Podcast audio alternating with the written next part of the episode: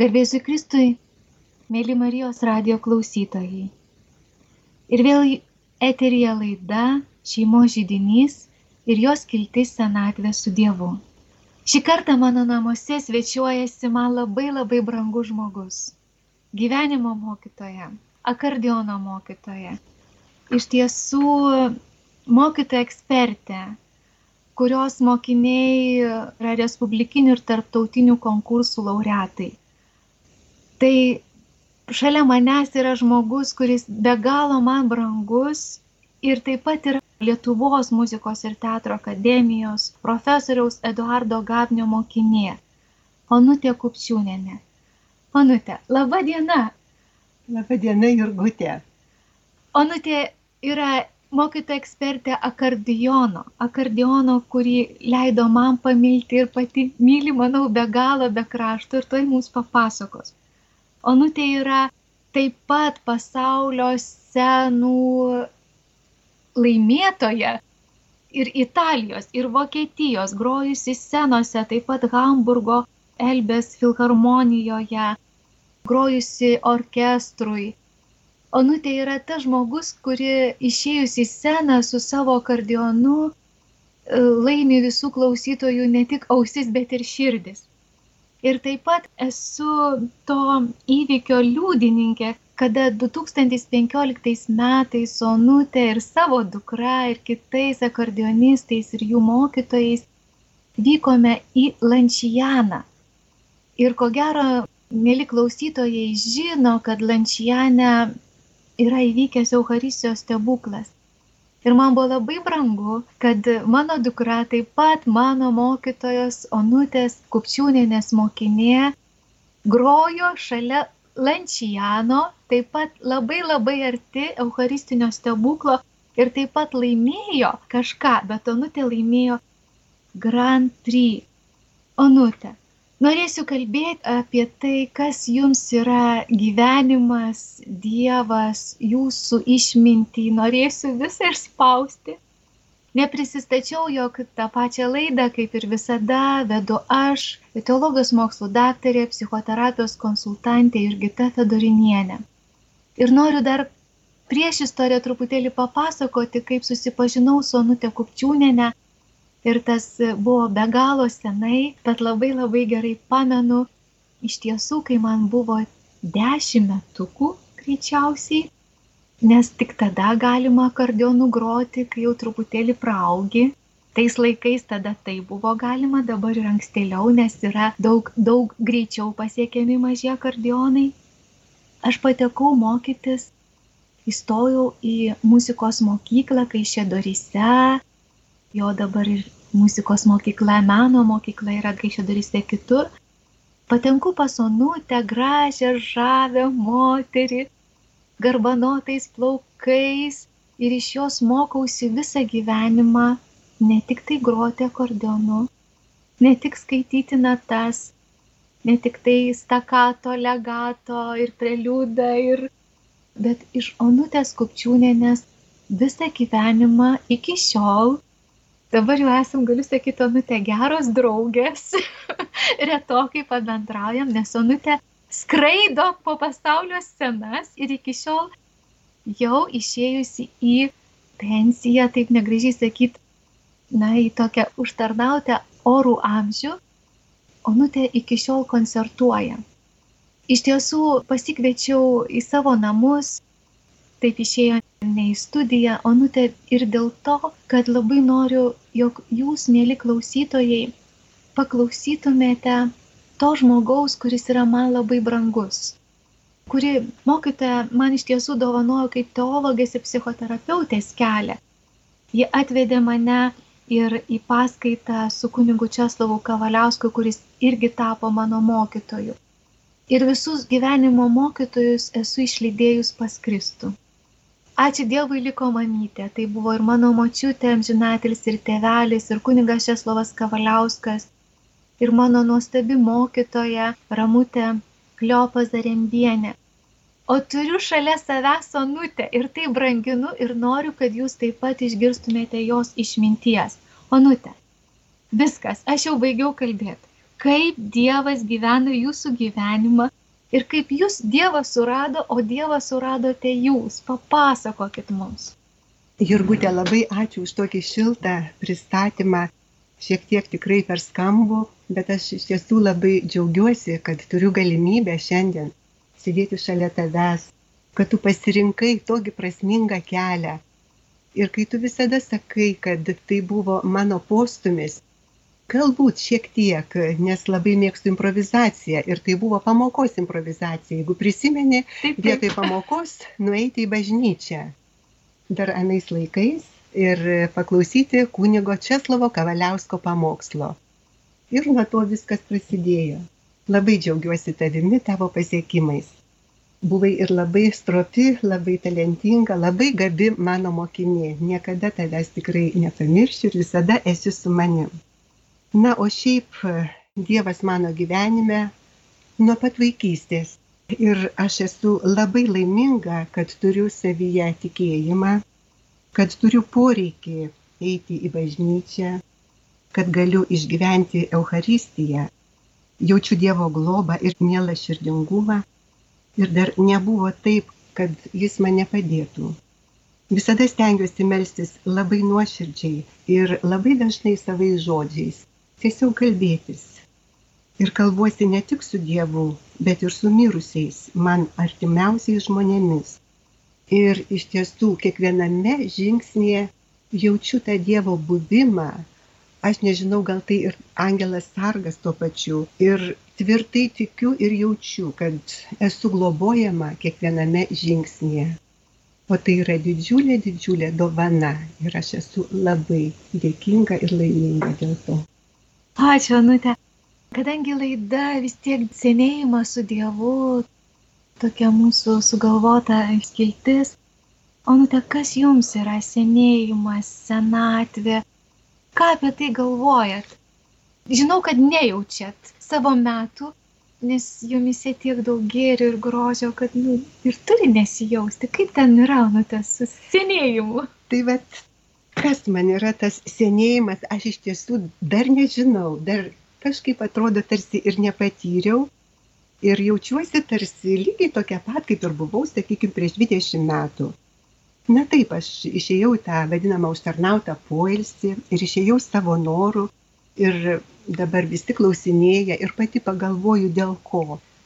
Tiesiog dirbdama visada stebėdavau kolegas, dėstydama Kaišėdorių meno mokykloje ir matydavau kartais tuos na pagyvenusius mokytojus ir jausdavau, kad tiesiog jie jau pavargę, tarsi jiems būtų viskas atsibodę ir tiesiog galbūt be tokio jaunatviškumo, be tokio azarto ir man tokia mintis topteldavo galvo. Visada galvojau ir žadėjau, jog virš pensijos nedirbsiu ne vienos dienos. Tiesiog galvoju, na aš taip, na nenorėčiau ir su Dievo pagalba pavyko išlikti ištikimai savo pažadui. Kodėl su Dievo? Nes kaip ir minėjau, už visą savo gražų gyvenimą aš dėkoju ir dėkosiu aukščiausiajam. Tikrai neįsivaizduoju gyvenimo be maldos, be pokalbio su Dievu, be vakarinių pamastymų, be padėkos, be refleksijos, kaip praėjo diena, kas buvo gera, kas bloga. Ir už visą tai esu dėkinga savo amžiną atilsį mamytei Elenai Mikolaitiniai už tą įskiepytą tikėjimą, už pagarbą ir meilę manyje Dievui. Ir visada stengiausi tą tikėjimą perduoti ir savo dviems sunums, o dabar ir savo mylimoms anukytėms ir anukiukui. Nes mamytė nuo pat mažų dienų mus vesdavo į bažnyčią kiekvieną sekmadienį. Mane, mano seserį Danutę ir brolį Rimantą, taip pat abu jau amžiną atilsi. Ir mes eidavom visada ant sumos ir tai būdavo visada tokios ilgesnės šventos mišios, aišku, ir pabostavo, bet nebuvo net jokių minčių, kad, na, aš nenoriu eiti arba, na, gal kitą kartą Tiesiog tai buvo lygiai kaip pasikloti lovą, atsikelti ir tiesiog nueiti į bažnyčią. Mamytė visada turėdavo rankinėje kokį skanėstą, kai jau ten atsibosdavo, bet labai šviesiai prisimenu šias dienas ir tas mišes Pušaloto bažnyčioje. Ir esu dar labai dėkinga už pačią gražiausią spalvotą vaikystę, už sukurtas pasakas ir dainas, dainas, kurias dainuodavom, pavyzdžiui, rašydamos serbentus. Esu dėkinga už kantrybę, išklausant manas problemas kabutėse. Tiesiog uždėmesi kaip vaikui ir už suformuotą tą tvarkos poreikį, už pirmasias etiketo pamokas, kurių svarbiausioji buvo visuomet sveikintis su žmonėmis. Ir tai buvo pirmoji mano ir pati nuostabiausioji mano mokytoja, mano mamytė. Anute, o kiti mokytojai? Nes jūs ir pati esate, vat, tikrai turėjus gyvenimo mokytojų. Žinau, kad kai grojau pas jūs, tai profesoriaus Eduardo Gabnio pavardę tikrai tada buvau atsiminus ir jūsų pagarbą minėdavot. Kas dar jūsų buvo gyvenimo šviesuliai, išminčiai, tie, kurie padėjo, na ir siekti tokių aukštumų, nes vis tiek išminčiai jie mums pakloja tarsi gyvenimo kelią, ar ne? Kaip ten tas akordioniukas mažas pasvalio, mano mylimo pasvalio rajone, pušaloto miestelėje, užaugo su jumis. Kaip ten buvo, onute? Na taip, aš su tuo akordeonu draugauju jau beveik visą savo gyvenimą, išskyrus penkis metus reikėtų išminusuoti dabar man 64, tai vat tiek metų ir draugauju. Nuo penkerių, mažutė mergytė. Taip, nuo penkerių mažutė mergytė ir tikrai Pušaloto miestelėje aš buvau labai žinoma, nes labai daug žmonių ateidavo į mūsų kiemą paklausyti, kaip groja ir dainuoja ta mažytė Onytė. Na ir vėlgi, nežinau, gal tai buvo ir mano tikrasis pašaukimas, galėdavau valandų valandas groti akordeonu, pati rinkau melodijas iš klausos ir tiesiog mama kviesdavo jau pietauti, aš sakydavau, na dar truputėlį, dar truputėlį. Ir jaučiau kažkokią palaimą grojant, lygiai tokią, kaip ir dabar jaučiu. Vėlgi mane surado tokia mokytoja, kuri buvo tada tik pradėjusi savo darbą Pušaloto vidurinėje mokykloje, tai taip pat šviesios atminties amžiną atilsį Irena Porvaneckienė, su kuria draugystė tęsiasi ilgus, ilgus metus. Ji mane pakvietė groti į mokyklos orkestrėlį, priėmė į savo tuometinę agitmeninę brigadą, vaidinti, ruošė mane įvairiems raiškiojo skaitimo konkursams, ten taip pat būta pasiekimų, prisimenu labai gerai, kai važiavom į Respublikinį raiškiojo Salomėjos Nėries vardo konkursą Vilniuje ir tai buvo tikrai labai didelė šventė mano gyvenime, nepamirštama šventė, pirmą kartą į sostinę. Ir ta mokytoja, kuri man davė labai labai daug, ji visuomet buvo su manim ir iki tol, kol įstojau į pasvalio muzikos mokyklą. Ir dar mane globojo iki pat 11 klasės gavau pirmasias vėlgi scenės kultūros pamokas ir šiaip šnekėdavom labai įvairiomis temomis. Pasvaly buvo muzikos mokykloje nuostabus mokytojas Sigitas Liauginas. Aš iš tiesų esu labai dėkinga gyvenimui, kad mane supa vien tokie geri iškilus žmonės. Blogų nepažįstu. Ir negaliu nepaminėti dar savo krikšto tėčio, vargonininko Zenono Marozo, kuris ilgus metus vargonavo Onuškio bažnyčioje, po to persikėlė į Vadoklius ir ten ilgus metus vargonavo, dabar taip pat kartais dar pavargonuoja, tačiau dėl sveikatos problemų nebelabai gali užlipti prie vargonų. Ir visada prisimenu, kaip jis mane nusiveždavo į savo parapiją ir kaip mes mokindavomės giesmes ir tiesiog kartu gėdodavome šventų mišių metu ir man reikėdavo atlaikyti tą antrą balsą. Ir tada, kada aš jau muzikos mokykloje pramokau groti ir fortepijonu, tai netgi tekdavo pagroti ir vargonais. Kažką tokio nesudėtingo. Ir dar vienas mano mokytojas būtų galbūt penktasis, kiek aš čia pradėjau skaičiuoti, tai tavo minėtas Jurgutė profesorius Eduardas Gabnys, ten taip pat didelė išmintis, didelė erudicija ir labai labai daug gavau tiek profesinių žinių, tiek gyvenimo mokyklos. Onutė, girdėjau jūsų žodžius antras balsas. Tai krikšto tėčiai. Bet e, koks tas pirmasis balsas, tai jūsų vyras, Onutė. Juozas Kupčiūnas. Taip pat akordionistas, taip pat toj pačioj meno mokyklai ir atsimenu, Onutė, kai atsitiko toks dalykas, berots mano antroji akordiono klasiai, Onutė tokia pilnesnė pasidarė, laukėsi antro vaikelio ir išeina į dekretą ir aš atitenku mokytojui Juozui, kuris lygiai taip pat mane moko akordeono ir aš vis tiek labai gerai pas Juozą Kupčiūną, onutės vyrą mokytis, bet vis tiek onutės taip laukiu, taip laukiu ir jį grįžta. Onutė. Ir žinau, kad su Juozu balsais, vienu balsu, ar ne, tas santokos sakramentų balsu, iš tikrųjų gyvenate jau 40 metų. Tai akordionu grojate beveik 60, Juozo didžiąją meilę esate 40 metų. Tai va toj mums papasakosite, kaip kūrenate tą šeimos žydinį, kaip jums sekasi tą meilę išlaikyti ir pagarbą, kurią iš tiesų iki šiol matau ir tada, kai katedroje atbėgat abu į Kaišėdorių katedrą ir melžiatės, visada matau jūs kartu su orumu ir pagarbo, nute. Tai kaip? Taip, mes su Juozu susipažinom studijuojant konservatorijoje tuometinėje. Na ir tiesiog pamažu susidraugavome ir pajutau, kad tai yra mano žmogus, kad tai yra žmogus, kuriuo aš galiu pasitikėti, į kurį galiu atsiremti, kuris labai atsakingai žiūri į gyvenimą.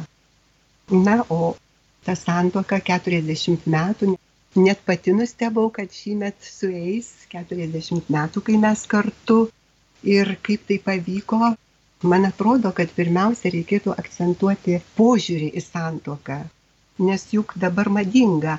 Ai, nepavyko, na ir kas? Ne aš pirma, ne aš paskutinė ištekėsiu antrą, trečią kartą. Ir aš manyčiau, jeigu tokios mintis jau paleistos, tai juk tarsi savęs užprogramavimas. Na, tarsi antrą, trečią kartą tuoktis tiesiog vos ne kažkoks tai gėris. Man asmeniškai iš tiesų baisu tą girdėti. Ir vis prisimenu savo amžinatilsi mamytės pasakytus žodžius prieš vestuvės. Vaikeli, žinok, kad santoka šventas dalykas ir vieną vienintelį kartą pasirinkai ir stenkis sugyventi. Bus gyvenime visko, bet negalvok, kad susipykus galėsi atvažiuoti ir rasti čia užuovėje. Ne.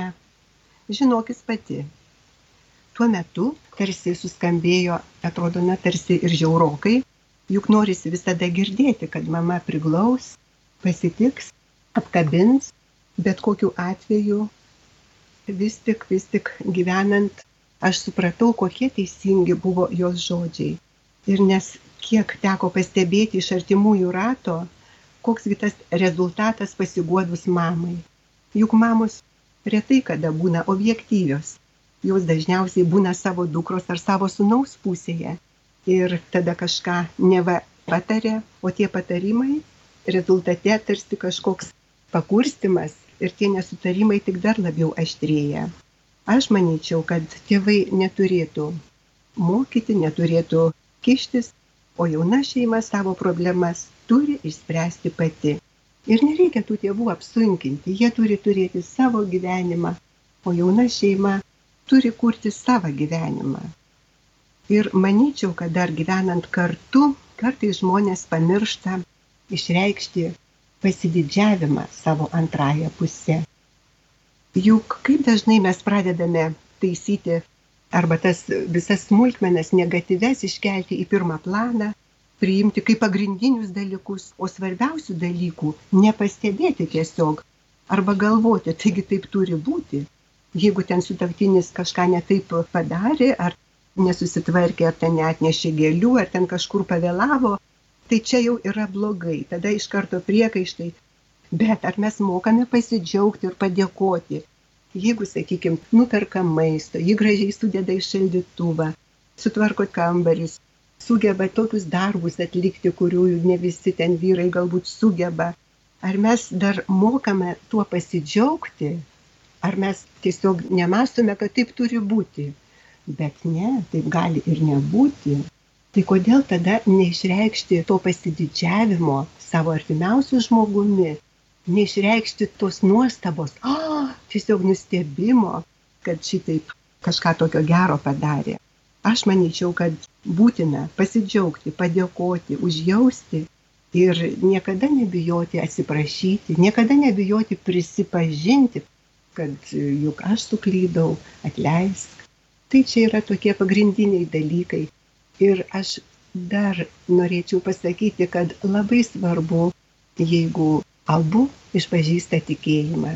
Tiesiog labai jaučiuosi gerai, kai mes galime kartu dalyvauti šventose mišiose. Tai tiek gal receptų.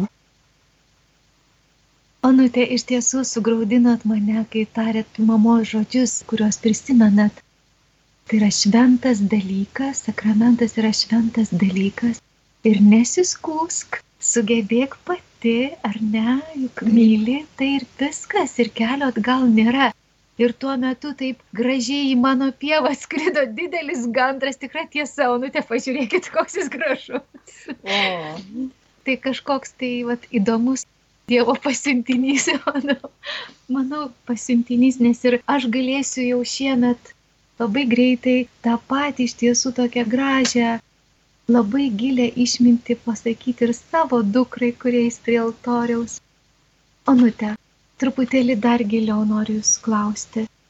Tokia brangi išmintis, tokie brangus mokytojai, mamytė, kuriais skėpėjo jums viską, ką minėjot ir ko nesuminėjot, ir tą jūsų gerumą, orumą ir visą laiką jūsų mokiniai buvo ne tik išmokyti groti akordeonu ir jų turėjot be galo daug ir kiek metų dirbote mokytoja? 39 metus su pusė tikriausiai. Tai praktiškai 40, ar ne? 40 ir mokinių tikrai turėjote labai daug, labai daug. Ir onutė visada, bet tiesiog palieka mokinių širdise kokį tai, na labai iš tiesų man asmeniškai stebuklingą anspaudą tą gėrio, grožio, nuoširdumo. Onutė turi dovaną iš tikrųjų neperdedu, nu tai turi dovaną nuoširdumo. Ir tiesiog mintis, pavargt galima, nu tai pavargt galima mylėti, bet aš žinau, kad jūs nepavargstat mylėti. Dar giliau klausiu, dar giliau klausiu.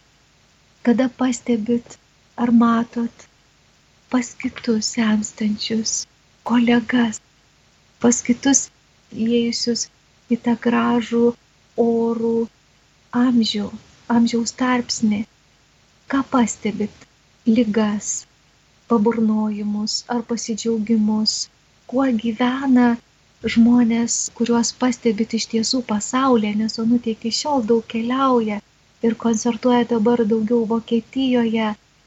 Bet ką pastebit pas kitus senuosius žmonės ir kokias dienas išgyvenat dabar?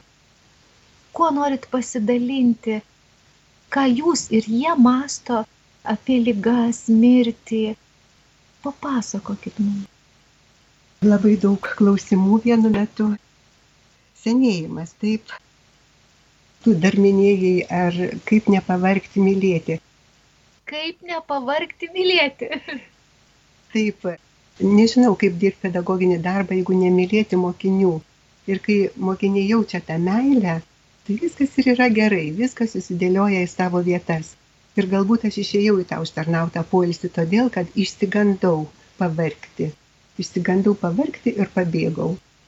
O šiaip aš niekaip negaliu suprasti žmonių, kurie sako, jog išėję į tą užtarnautą poilsį neturi kas veikti namuose. Iš tiesų, juk šitiek neperskaitytų knygų, neperžiūrėtų filmų, nepaklausytų muzikos kūrinių, tiesiog na, neišspręstų kryžiažodžių ar netgi neplankytų ten spektaklių arba galų gale nesutvarkytų stalčių. Tos veiklos labai daug, o man dar ir mokintis naujus kūrinius, dar ir ruoštis kažkokiems pasirodymams. tai darbo labai daug. Ir šiaip aš jaunystėje labai mėgau ir dabar mėgstu senus žmonės, malonu pabendrauti. Jaunystėje visada važiuojant traukiniu stengdavusi atsisėsti prie seno žmogaus ir klausytis, tiesiog jo išminties, viską įsiminti stengtis. Bet laikui bėgant ir iš artimųjų draugų pasakojimo išgirsti ir sužinai, kad, na, ne tokie tie seni žmonės geriečiai, ne visi. Ir išgirsti, kad tiesiog dauguma jų, labai daug jų, tampa tokiais egoistais, galvojančiais apie save ir netgi reikalaujančiais bet kokią kainą dėmesio savo. Ir jiems tarsi atrodo, kad artimieji tik jiems turi skirti tą savo laiką. Mano vyro mama Anita, negaliu tokių žodžių apie ją pasakyti, ji tiesiog nuostabi moteris, ji susitaikiusi jai dabar yra 83 metai, labai, labai gera, aš iš jos labai daug išmokau, nes dar tris metus gyvenom kartu, bet e, tiesiog ta patirtis iš kitų draugų, iš kitų draugų rato. Taigi, ir kartais atrodo, kad na, mes su vyru dar pakalbame taip pat apie ligas, apie mirtį tiesiog. Ir dabar jau šoku prie kitos tarsi temos, ta mirtis, mirties klausimas. Žmonės bijo tos mirties, kažkaip, na, bijo to žodžio. Ir galbūt tikintiems žmonėms yra lengviau prisitaikyti, lengviau suvokti, priimti kaip duotybę ir galvoju, kaip mes galėtume savo padėti. Tiesiog ruoštis tam, ruoštis išėjimui, dažniau pagalvoti apie tą mirtį, tiesiog kaip dabar yra madingas tas žodis, prisijaukinti tą mintį, kad anksčiau ar vėliau mes juk visi turėsime išeiti. Tai ir dar galvoju, kad žmonės kartais turėtų pasirūpinti ir savo kūnu, tiesiog daug žmonių ir tą ansvorį kartais turi ir nepagalvoja, nesiuošia gulėjimui patale, nes apsunkins kitą žmogų šalia esantį ir reikėtų taip pat ruoštis tai senatvei, pradėti sportuoti, tiesiog stengtis sveikai maitintis ir negalvoti, kad tu tai darai dėl to, kad tu gyventum šimtą metų. Ne, tiek, kiek Dievo skirta, bet todėl, kad tu nugyventum, kiek Dievo skirta, su kuo mažesniu diskomfortu. Kažkaip pas mus žmonės labai dar tradiciškai bijo tų senelių namų, nes kažkodėl linkę smerkti šeimas, kurios artimuosius atiduoda į senelių namus. Ir galbūt to nereikėtų, nes labai dažnai šeimos palūšta, net laiko to krūvio prisimdami tą atsakomybę, slaugydami savo artimuosius namuose. Ir tiesiog tuo labiau reikalinga profesionali medicininė pagalba. Na, aišku, reikia tikėtis, kad pas mus Lietuvoje ir tų kokybiškų senelių namų daugiau bus pastatyta, kad ten dirbs ypatingi darbuotojai, tokie su pašaukimu, kurie tiesiog myli senus žmonės. Tai apie tą mirtį ir mes pasitikti tą auksinį rudenį tiesiog turime ruoštis visą gyvenimą. O tą senėjimą tiesiog priimti kaip natūralų procesą, susitaikyti su savo išvaizda, su savo naujomis raukšlelėmis, nepykti dėl to, o tiesiog net kartais ryte ir pasijuokti, jeigu naujas gyvenimo bruožas atsirado. Kaip tiesiog, sakė, Tonute, pasisveikinti. Pasisveikinti, taip, susidraugauti. Na ir nepamiršti tiesiog dėkoti Dievui už viską. Taip, ir kai kartais mes vat, su vyru Juozu pasikalbam ir tiesiog jau dabar galime išėti iš šio pasaulio, nes savo misiją kaip ir atlikome, užauginome du sūnus, susilaukėme net keturių anūkų, tad ko dar norėti?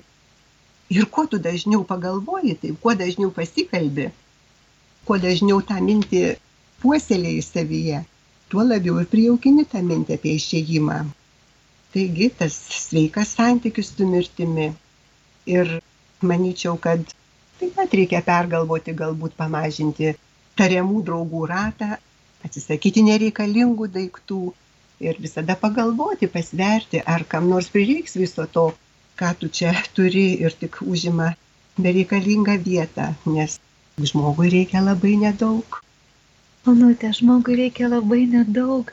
Ir jūs dar minėjot, kad matot kitoje kultūroje, ypatingai Vokietijoje, tuos senus žmonės, kurie nepasilieka tik su savo senatvė ir su savo kava ar arbata savo kambarėlėje, kaip įprasta daugiau Lietuvoje, nors ir dabar žmonės puoselėja savo pomėgius, kaip minėjot, tapybą, ten kad ir būtų molio dirbiniai, ar išmokti groti, ar išmokti dainuoti, vat, tai yra labai, labai smagu, ką man pasakojot, ką matot kitose kultūrose ir kaip įdomu vis dėlto tada ir senti.